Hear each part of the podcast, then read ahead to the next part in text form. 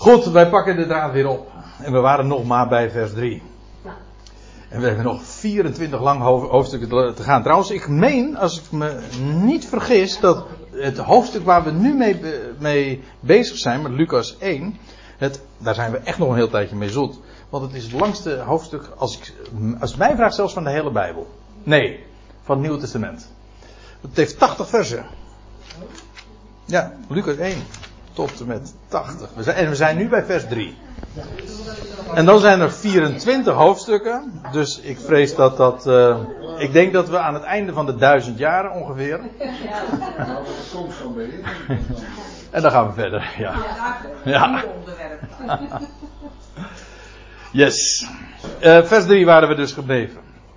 En hij zegt, het schijnt ook goed aan mij. En we hebben ons nu al wat, uh, wat bezig gehouden met die identiteit van Lucas na alles van meet aan nauwkeurig terzijde gevolgd te hebben. Van alles van meet aan, uh, dat is bij Lucas dus inderdaad echt heel sterk het geval. Want hij is niet alleen maar teruggegaan naar waar we het over hadden, dat de, de twaalf getuigen waren vanaf de doop van Johannes uh, tot aan de opstanding. Maar Lucas' beschrijving gaat nog veel verder terug.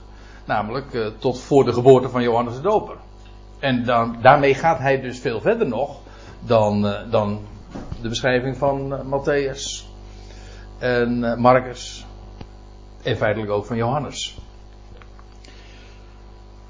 Hij zegt: Ik heb alles, na, van me, na alles van meet aan, dus vanaf de, het begin, en van voor de geboorte dus al van Johannes de Doper, die nog weer een half jaar ouder was dan Jezus nauwkeurig terzijde gevolgd te hebben. En ja, wat betekent dat? Hij heeft ja, bronnenonderzoek gedaan. Uh, per slot van rekening, hij, hij, het eerste vers maakt hij meteen al melding van het gegeven dat er velen zijn geweest die al boeken hebben geschreven. Nou, wat is er logischer geweest voor Lucas om daar ook kennis van te nemen? Uh, maar wat hij vooral gedaan heeft, is naar de ooggetuigen natuurlijk toe te gaan. Want het is niet zozeer uh, literatuuronderzoek geweest, die, die boeken te raadplegen. Ongetwijfeld heeft hij er kennis van genomen. Maar hij heeft uh, ja, uh, ja, interviews afgenomen. Hij is bijvoorbeeld naar een Maria toegegaan. Dat weet ik tamelijk zeker, want hij weet allerlei dingen over Maria te vertellen. Die per slotverrekening dan ook weer Elisabeth ooit bezocht heeft. Nou, we zullen dat allemaal gaan zien. Tegen de kerst zullen we daar ongeveer mee bezig zijn, dus dat komt wel aardig uit. Ja. Maar, uh, en Maria die allerlei dingen dan inderdaad ook vertelt. Die, al, die Lucas alleen maar uh, van, van Maria zelf heeft uh, kunnen vernemen. Dat kan niet anders bijvoorbeeld, je leest over uh, dat, er staat van. En Maria bewaarde al deze woorden in haar hart. Ja, wie heeft dat uh, verteld dan? Hij heeft het.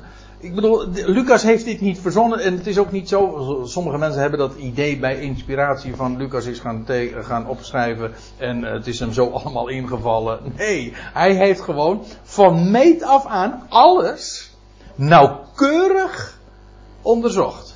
Gewoon gecheckt en interviews en en hij is bij Maria langs geweest. Ook, hij, hij, is, ik noem de naam van Jacobus, want hij, is, hij was daar ook toen in Handelingen 21 bij, bij Jacobus. En dan weet hij ook allerlei dingen van te vermelden. Een Filippus, een Agabus. Daar, was hij, daar is hij allemaal bij geweest. Dus als hij zo'n boek uh, gaat schrijven, ja, dan moet je heel veel uh, mensen gaan raadplegen. Want tenslotte hij was geen ooggetuige. Dus hij moest bij de ooggetuigen zelf wezen om dat allemaal op te schrijven. Dan moet je aantekeningen maken. Dat is een gigantische klus. En al die details die hij vermeldt over welke dag het was en waar het was en de routes die gevolgd zijn. Nou, ik zal je vertellen, als je zoiets als het, eh, als het Lucas evangelie dan dat boek optekent, daar gaat, uh, daar gaat zo enorm veel onderzoek aan vooraf. En dat heeft uh, Lucas dus gedaan. Uh, nou ja, het was ook een, een man per slotverrekening bestudeerd. Was dokter, een geneesheer, dus het was niet de eerste beste. Hij, was namelijk ook nog eens een keer, dat zijn dingen die we ook al toen hebben overwogen toen we het over handelingen hadden. Hij was ook nog eens een keertje enorm op de hoogte van uh, het Romeinse recht en over de, de klasse en, over de politieke aangelegenheden en over de verschillende uh, gebeurtenissen. Uh, ook als het gaat om scheepvaart. deze man, dat is echt een historicus. Deze boeken staan ook inderdaad zo algemeen bekend als boeken die zo uitblinken in, in nauwkeurigheid, in details. Echt een expert die bovendien ook nog eens een keer. Uh, in, het is echt een Griek geweest. Want de, de Griekse taal die, uh, die beheerst die uitermate goed. Want het schijnt, dat kan ik niet beoordelen, maar dat deze boeken, als je het zeg maar naast de meetlat legt van, van correct en goed en doorwrocht taalgebruik, dan blinkt, uh, blinken de geschriften van Lucas uh, daarin uit. Met andere woorden, we hebben te maken met een man die zeer, zeer accuraat in alle opzichten, dus ook in zijn hele verslaggeving, te werk is gegaan. En hij heeft het allemaal, allemaal nauwkeurig terzijde gevolgd. Ja, terzijde, hoezo terzijde? Nou, uh, hij was niet zelf degene die het meegemaakt heeft. Hij heeft het onderzocht. Hij heeft de, vanaf de zijlijn heeft hij zo zijn bronnen geraadpleegd. En zegt hij dan dit achtereenvolgend aan u op te, eh, te, schrijven. Ik heb het dus allemaal. Uh, ik ben nagegaan. Ik, mijn expertise heb ik daarvoor ingezet. En vervolgens ja, moet je dat, al die aantekeningen gaan verwerken. En dan moet je dat in geregelde orde zo zegt de NBG-vertaling. Er staat hier eigenlijk zoiets als uh, achtereenvolgend. Dus ordelijk, gewoon. Heel systematisch. Ja, dat hoeft inderdaad niet per se chronologisch te zijn. Het evangelie is weliswaar voor een groot gedeelte chronologisch. Maar je, je kunt iets in geregelde orde doen zonder uh, dat per se dat dat in, in een, een ordening is in de tijdlijn. Je kunt iets ook bijvoorbeeld thematisch ordenen. Of je kunt iets ordenen naar, eh, naar belangrijkheid. Dan zeggen we van nou, we beginnen bij het belangrijkste en dan het minder belangrijk. Dat is ook allemaal een bepaalde geregelde, systematische ordening. Nou, dat is wat hij gedaan heeft. En zo uh, hebben wij uh, van hem een tweetal boeken. En hij noemt hem Hoogedele Theophilus. Dat is dus degene aan wie hij dit boek heeft opgedragen. En deze titel die hij hier gebruikt, die komen we nog een twee keer tegen, of drie keer tegen in, eh, in zijn eigen geschriften. En dat is wanneer hij, uh, wanneer Felix en Festus worden aangesproken. En dat waren procurators, dat waren stadhouders. En dan wordt hetzelfde woord gebruikt. Dus dat praten we over mensen met een hele hoge functie. Niet per se politiek, maar in ieder geval, nou ja, ons woord hoogedelwijze. Dat soort uh, aanspreektitels uh, zijn we allemaal een beetje kwijtgeraakt. Het is gewoon allemaal best uh, hallo en hoi. nu, sms-taal. Maar dit, ja, dit, dit zijn dit is een titel die gewoon uh, alleen maar gebezigd werd voor een, hoge rangorde. En dus we, we praten over iemand die. Uh, nou, dat was dus niet de eerste de beste. En wat ik vooral uh, leuk vind is dat hij. Nou, leuk. mooi vindt dat hij Theophilus heet. Want Theophilus betekent letterlijk. Theo betekent van God. En dat Philus heeft te maken heeft met, zoals u weet, met liefhebben of een vriend zijn van, of een minnaar zijn. Een minnaar van God of zoiets. Een, ja, niet bemind door God, dat zou natuurlijk ook kunnen, maar uh, hij heeft God lief. Dat is wat het, zijn naam betekent. Je zou kunnen verdedigen dat het een bijnaam van hem is geweest, maar het lijkt mij niet. Maar uh, je kunt natuurlijk dan ook nog verdedigen van ja, dit is gewoon uh, die. Uh, eigenlijk, uh, voor, eigenlijk, voor elke liefhebber van God is dit eigenlijk opgetekend. maar dat is dan de, de, de secundaire betekenis. Hè? Want het gaat hier over een concreet iemand, namelijk iemand die hoogedel is.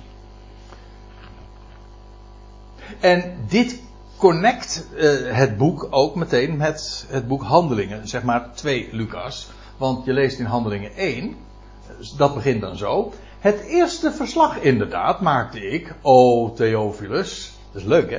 Hij zegt, o Theophilus. Dat, dat woordje o, dat is eigenlijk ook uh, een andere manier van hoogedele.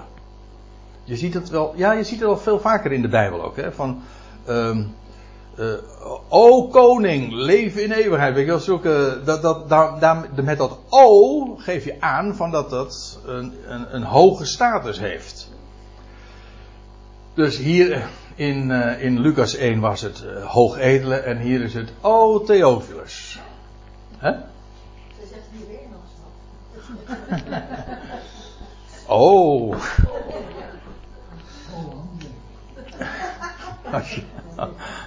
Ja, dat zei mijn moeder ook wel eens een keer. Ja. En, uh, meestal was het niet best dan. Dat is net zoiets als je naam twee keer noemen. Hè? Marta, Marta, of André, André. Je ziet iemand dan al meteen nee schudden. Het eerste verslag inderdaad maakte ik O Theophilus. Dus dan weet je meteen van, aha, dit is dus het tweede verslag. Dat is sowieso. En het is ook aan dezelfde opdrachtgever of dezelfde, uh, dezelfde persoon aan wie dit is opgedragen. Hij zegt, het eerste verslag inderdaad maakte ik, o Theophilus, omtrent alle dingen die Jezus begonnen is te doen en te onderwijzen. Tot op de dag dat hij werd opgenomen, door Heilige Geest instructies gevend aan de apostelen die hij had uitgekozen. Daar zie je dus, is, het is wel boeiend trouwens, want het Lucas-evangelie, nou ja, beschrijft dus het leven van de Heer Jezus. Dat gaat al heel ver terug. Zoals we straks ook zullen zien. Maar uh, het leeuwendeel bestaat uit wat, uh, wat Jezus heeft gedaan en wat hij heeft onderwezen. En het eindigt dan op de dag dat hij werd opgenomen. Lucas 24, dat, dat eindigt in Betanië, daar vlakbij Betanië, aan de andere kant van de Olijfberg, waar Jezus ten hemel voer. En waar Lucas 24 eindigt, daar begint handelingen 1 weer. En dat is ook meteen, die, die hemelvaart is zeg maar ook de overlappende geschiedenis. Want waar Lucas eh, eh, zeg maar net aan tipt eh, in het laatste van zijn eerste boek. Dat beschrijft hij veel uitgebreider in zijn tweede boek. Dus het einde van het, uh, van het eerste boek is het begin van het tweede boek. Dat is de overlap.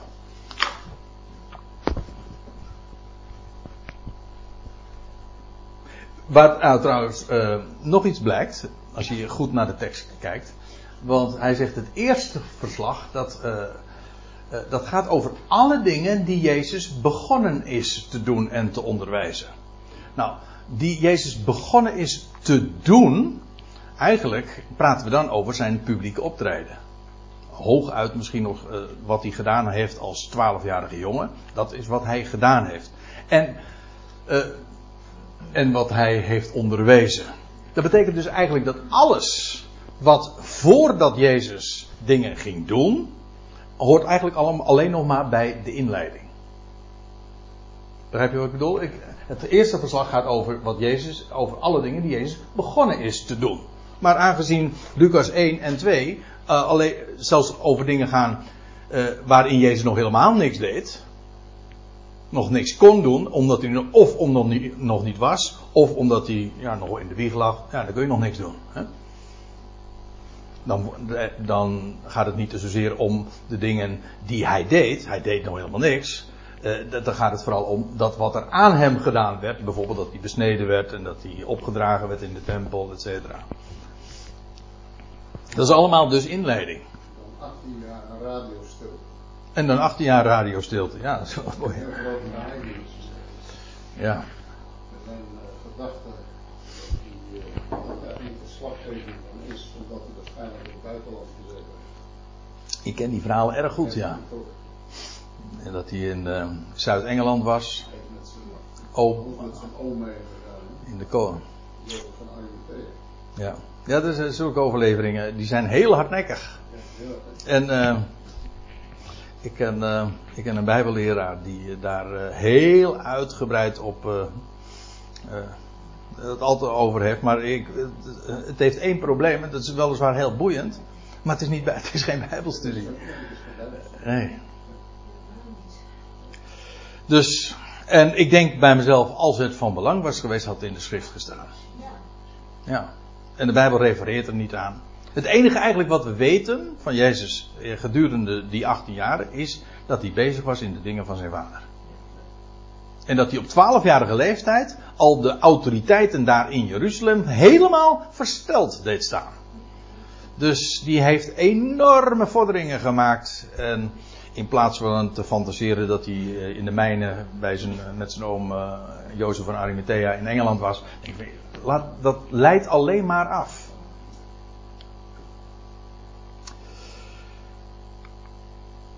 En dan zegt hij, uh, dit achtereenvolgend aan u dan vervolgens ook uh, te schrijven, hoogedele Theophilus, om, opdat u, nou dit is de, de doelstelling van het boek, opdat u omtrent de woorden waarmee u werd onderricht, aha, dat betekent dus dat Theophilus, die, aan wie hij, dit boek is opgedragen, inmiddels al wel degelijk ook onderwijs had ontvangen en uh, weet had van de dingen waar Lucas nu over gaat schrijven. Maar hij boekstaaft dit, hij geeft veel meer details enzovoorts. En de reden is opdat u omtrent de woorden waarmee u werd onderricht, de zekerheid zou beseffen. Dat is mooi, want uh, in de MBG-vertaling staat dan de betrouwbaarheid. Waar ik helemaal geen enkele bezwaar tegen heb, maar weet je wat ik nou zo mooi vind? Uh, letterlijk staat daar een woord dat betekent onwankelbaar. Het is onwankelbaar. Zodat je zou beseffen hoe onwankelbaar dit is. Dat is de doelstelling. En ja, eigenlijk was dat wat we voor de pauze ook al uh, memoreerden. Het gaat erom, dit zijn historische feiten. Wat, wat Lucas doet, is als historicus de dingen optekenen. Waarom? Opdat zijn lezers, alle godliefhebbers, alle theophilussen zeg maar, zouden beseffen de absolute onwankelbaarheid van dat wat daarin staat. Dat is waar het allemaal om gaat. Dat we geen kunstig verdichte na, uh, mythen zijn nagevolgd. Nee, het is bewezen. Het is gewoon absolute zekerheid. En dat we dat zouden beseffen. Hier was, um, hoe staat dat in, ja, in de MBG-vertaling staat zout erkennen. Hier staat in het Grieks het woordje epignosis. En dat is een, vind ik een mooi woord. Waarom vind ik het een mooi woord? Omdat met die Griekse voorzetsels uh, worden dingen, kun je het heel grafisch maken. Want epi wil zeggen, uh, kijk, dit uh, glas staat epi-tafel, hè, op de tafel. Epi gewoon is een voorzet, dat betekent op. En gnosis is het Griekse woord voor kennis. En epignosis betekent dus letterlijk op kennis. Dat woord betekent het onderstelt kennis. Onderstel is trouwens ook leuk in dit verband. Hè? Ook dat is, het, maar het gaat daar bovenuit. Het is gebaseerd op kennis, maar het is meer dan kennis. Vandaar ook, het is op kennis, boven kennis. En dat is precies ons woordje uh, beseffen, realiseren. Want je kunt iets weten, iets kennen, prima, dat is belangrijk. Maar waar het om gaat, is dat je dat wat je weet, dat je het ook echt gaat realiseren. En wat uh, Lucas schrijft aan deze Theophilus, is dat hij zou gaan beseffen de onwankelbaarheid van dat wat hij te melden heeft. Dat, dat zou hij beseffen. Dus niet alleen maar dat hij weet zou hebben van alles wat er gebeurd is, et cetera. Nee, dat hij zou beseffen hoe onwankelbaar dat is. Dus dat gaat nog veel verder. Hè? Dus je zou kunnen zeggen, alle data die hij doorgeeft, alle gegevens, ja, dat is kennis. Maar wat, waar het Lucas om te doen is, is dat hij daarbovenop de onwankelbaarheid zich zou realiseren van dat wat hij opschrijft. Dat gaat, daarom kan ik, uh, denk ik dat we dat niet genoeg kunnen benadrukken. Want het is namelijk precies de bedoeling waarom Lucas dit opschrijft. Want ja, je zou kunnen zeggen, die uh, Theophilus die wist het toch al al. Hij was toch al onderricht. Waarom? Er waren al zoveel boeken geschreven. Hij had ook kunnen zeggen van hier heb je, hier heb je een paar exemplaren. Dat was iets moeilijker dan dat het tegenwoordig is. Zo van, uh, hier heb je een USB-stickje en uh, ik heb hier al een paar PDF-files waar het op staat. Nee, zo makkelijk ging het niet. Maar dan toch. Ik bedoel, hij had hem gewoon kunnen verwijzen naar die boeken. Of hij had gewoon kunnen zeggen: van, joh, je bent erover onderricht. Je bent daar mondeling van op de hoogte gebracht. Nee, maar dat was niet genoeg. Hij moest gaan beseffen hoe onwankelbaar dat was wat uh, er verteld werd. Dat is waar het Lucas om te doen is. En dat, ja, dat dringt, daarmee dringt echt wel heel erg diep door hoe de historiciteit, dus de absolute feitelijkheid van het Nieuwe Testament, boven alle twijfel is uh, verheven. Ja, dat, uh, dat betekent dus dat we echt op rotsbodem staan. Zodat, het, zodat je onwankelbaar in bent. En het geweldige daarvan is dat je. Kijk, gevoel. Dat is, dat is als je het op zijn Engels zegt, hè, emotion, emotie. Daar zit beweging in. Motion, hè, beweging wij spreken trouwens in het oud-Nederlands of oud-Nederlands spreken we over gemoedsbewegingen. Eh, ik ben bewogen door iets. Hm? Ja, dat is mooi. Dat is emotie. Maar, Paulus, maar, maar Lucas begint niet bij Theophilus. Hij zegt, opdat je bewogen zou worden door de dingen die. Nee, hebt niet bewogen zou worden. Dat je absolute zekerheid zou hebben. En dat beweegt mij nou zo. Als ik, als ik even je. Dit vind ik zo geweldig. Waarom is dit zo geweldig goed en blijmakend? Omdat het solide is. En of ik me nou goed voel of, of dat ik me helemaal niet goed voel, dat staat er volstrekt los van. Het is namelijk zekerheid. En hoe ik me voel, dat is ja, ja nou ja, het woord zegt het al, dat is, dat gaat zo, dat. Uh... En het mooie is, ik geloof ook dat als je inderdaad besef krijgt van de onwankelbaarheid van deze dingen, dat je emotioneel daardoor ook stabieler wordt. Dat lijkt me een, uh, dat lijkt me een, uh, een mooi bijkomend effect, zeg maar. Dat maakt zo blij. Uh, omdat die blijdschap dan iets, ehm, iets stabiels wordt. Het is namelijk een, een bron van vreugde waar je altijd uit kunt putten, want die is er altijd.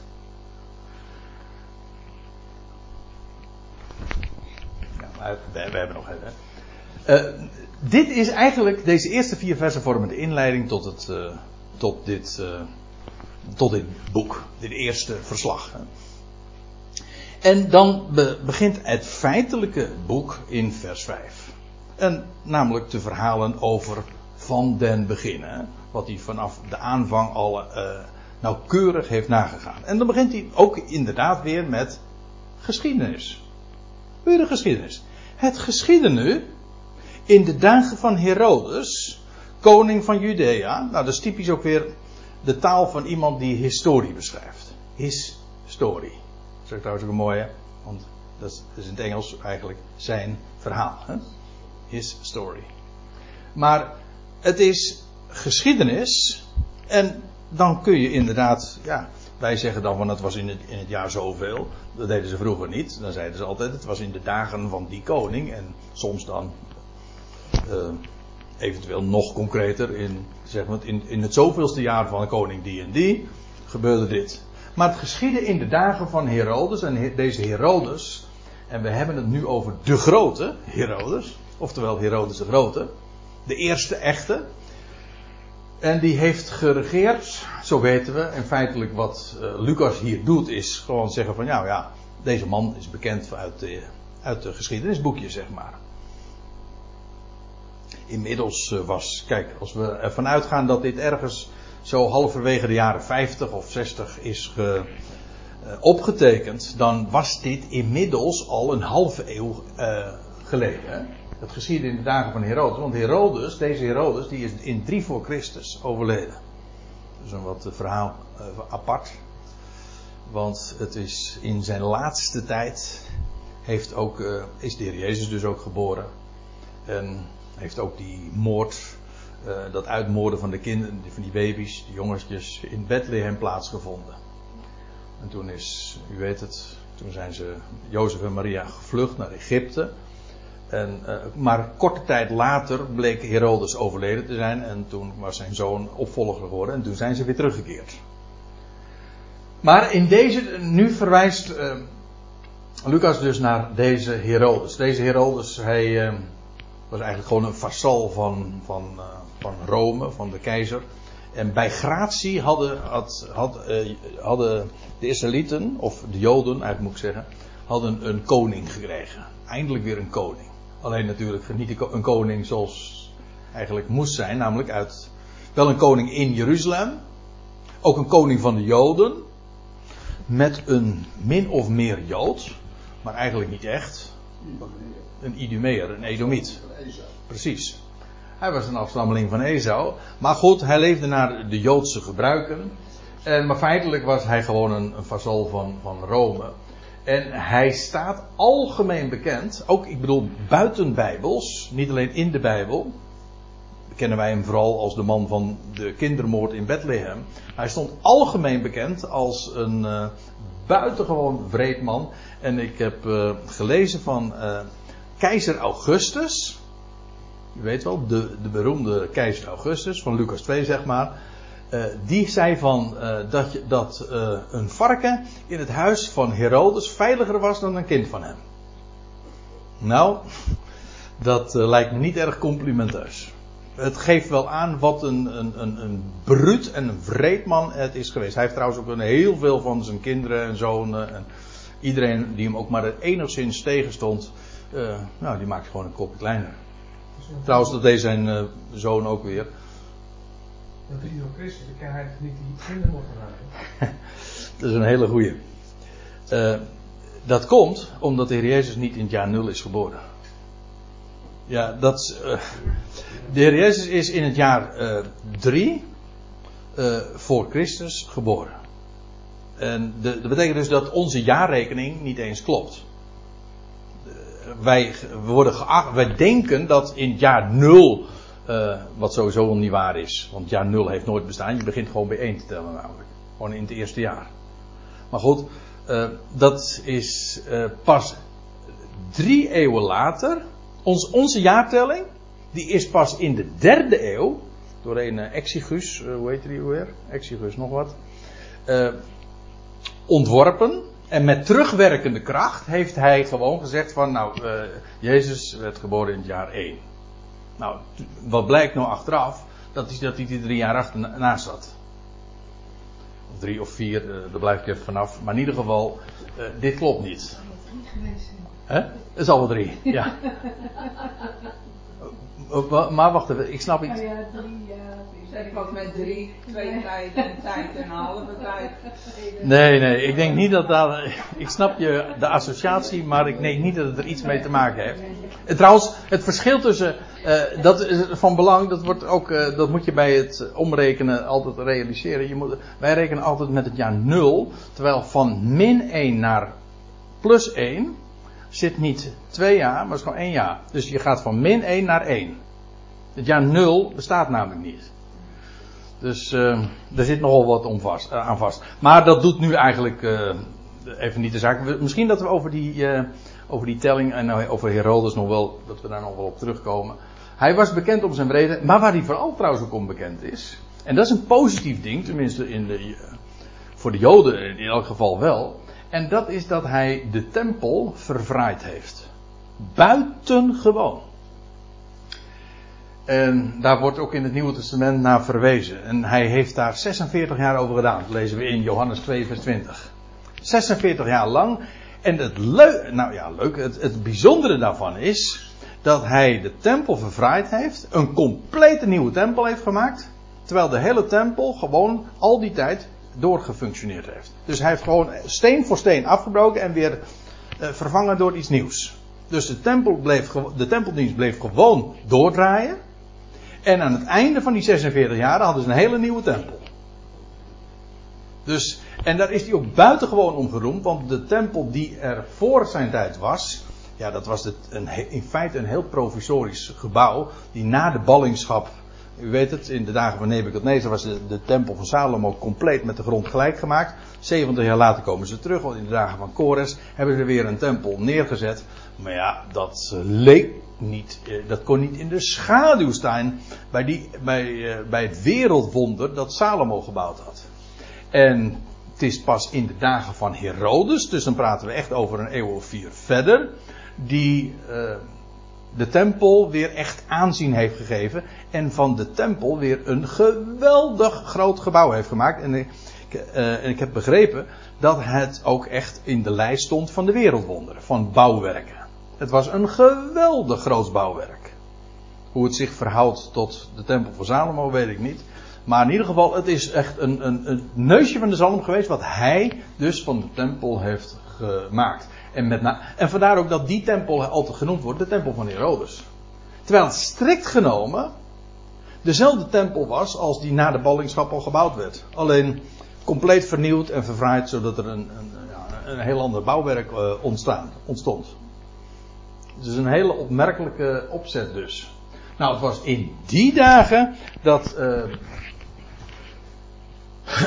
van deze Herodes, de koning van Juda, dat er een zeker priester was en die heette Zacharias, of op zijn Hebreeuws Zacharia. En Zacharia betekent veel, dat vind ik heel veel boven, ja, weggedenkt. Zachar betekent herinneren, gedenken. En die priester, die heette dus Zacharia, Jaweh gedenkt. En hij was uit de dagorde van Abia. Dit is nou typisch nou zo'n detail waaruit blijkt, die Lucas, die wist van, van wanten. Die wist. Want je had namelijk, het was namelijk zo, er waren 24 priesterorden. En die worden genoemd in 1 Kronieken 24 vers 10. Die heeft David ooit al ingesteld. Er waren 24 priesterorden. Heeft nog wel iets te maken met de 24 oudsten in de openbaring ook. 24 orden. En die Abia, betekent Yahweh is vader, is ook mooi. Uh, die Abia, daarvan wordt in 1 Kronieken uh, 24 vers 10 gezegd, hij, het was de achtste orde. U moet zich voor, voorstellen, elk jaar, uh, je had 24 priesterorden en elke jaar deed één zo'n orde, één van die 24 orden, deed twee keer, draaide zeg een week mee. Elke orde deed een week dienst. En dat betekent dus na, en, dus na 24 weken had elke orde een keer dienst gehad. En dan vervolgde het weer. Er, kwam, er vallen een paar weken uit omdat daar dan feesten en hoogtijden waren. Maar in ieder geval, die, van die priesterorde waren die deden bij toerbeurt. Vast, allemaal vastgesteld. dienst. En uh, Abia was de achtste. U moet trouwens even nog dit. Je had heel veel priesters. Denk nou niet dat die priesters het enige wat ze deden dat dat, dat offeren was in de tempel. Echt niet. Sterker nog, hun belangrijkste taak was onderricht geven in de Torah. Er waren in de dagen, volgens Flavius Josephus is dat terugberekend.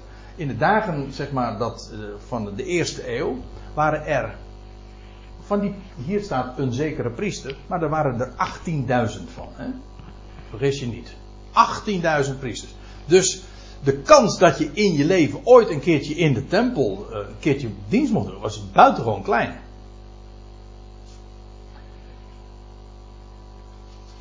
Maar dit was dus de achtste. Dat is trouwens wel veelbelovend, want dat suggereert al, hé, hey, acht heeft te maken met nieuw leven. Altijd.